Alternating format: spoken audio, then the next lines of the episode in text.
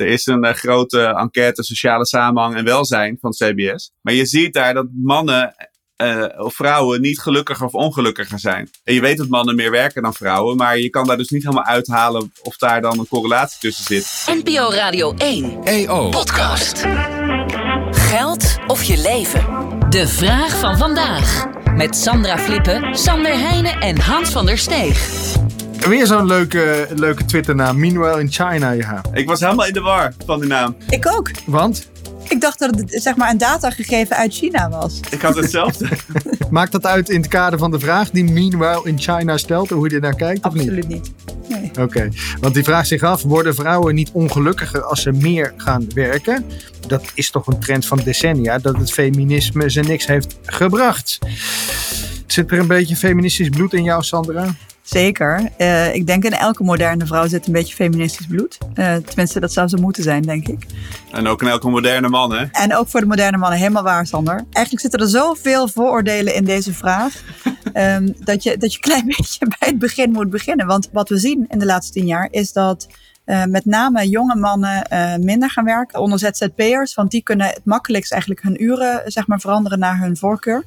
Uh, daar zie je dus dat de trend dat vrouwen meer gaan werken en mannen minder werken. En ik denk dat het evenwicht waar je gelukkiger van wordt, dat is dat naarmate we rijker worden, dus per uur zeg maar meer kunnen verdienen, dat er steeds vaker een punt komt waarbij de keuze tussen ga ik nog een uur extra werken of heb ik een uur extra vrije tijd, die gaat relatief vaker uitvallen in de richting van vrije tijd. En dan maakt het natuurlijk wel uit van hoeveel vrije tijd je al hebt en hoeveel uur je al werkt. Dus als je twee dagen werkt, dan zal de balans eerder uitvallen naar een uur extra werken, denk ik en hoop ik ook. Maar als jij uh, veel uren werkt, dan zou het zo moeten zijn dat je op een gegeven moment de keuze maakt voor meer vrije tijd. Want dat uh, lijkt wel samen te hangen met uh, geluk.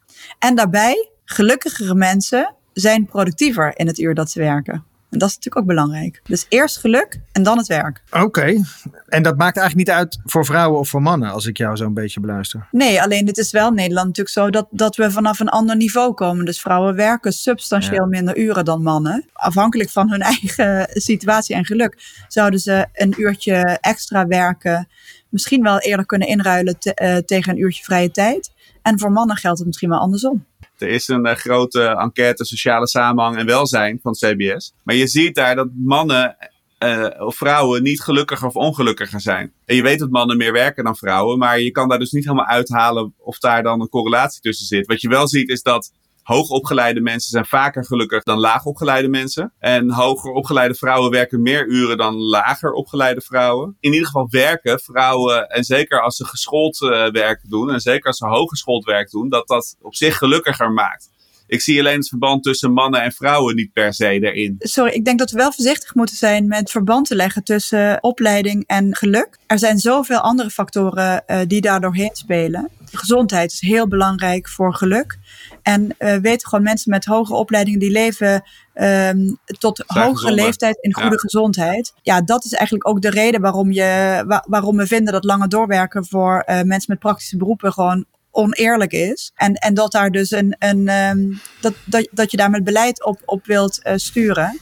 Maar we moeten denk ik wel heel erg uitkijken dat, dat we de dingen met elkaar in verband brengen. Terwijl er heel veel andere zaken zoals gezondheid en ja, honderden andere dingen eigenlijk gewoon ook doorheen spelen. Dat viel me ook op in die, uh, in die studie van CBS. Er zijn mensen die werkloos zijn, zijn gelukkiger dan mensen die arbeidsongeschikt zijn. Dus dat, dat ligt waarschijnlijk wel in lijn met wat je zegt over uh, zit je aan de kant uh, om een andere reden? Of, of, of heb je fysiek iets waardoor je niet verder kan? Ben je minder gezond? Ja. Dus dat, dat ligt al voor de hand.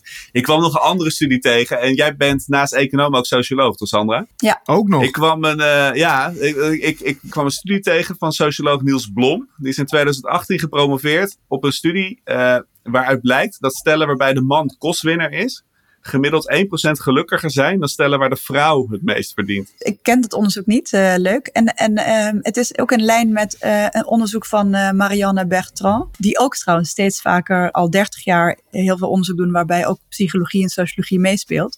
zij vindt dat op het moment dat um, vrouwen inderdaad kostwinnaar worden um, en dus, dus meer zeg maar in netto verdienen dan, dan mannen, dan zie je zie je eigenlijk twee, twee dingen gebeuren. Of uh, vrouwen gaan minder uren werken, waardoor ze met hun uh, inkomen uiteindelijk onder dat van de man blijven. Of uh, ze blijven erboven en dan neemt de kans op een scheiding toe. Oké. Okay. Hoe is dat bij jullie thuis, Sandra? Bij ons is het heel goed. Allemaal evenredig verdeeld. Ja.